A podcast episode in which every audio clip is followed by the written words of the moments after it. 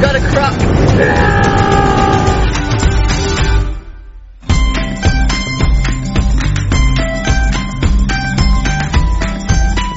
It's all in our own backyard. Most of our Australians don't know it's there.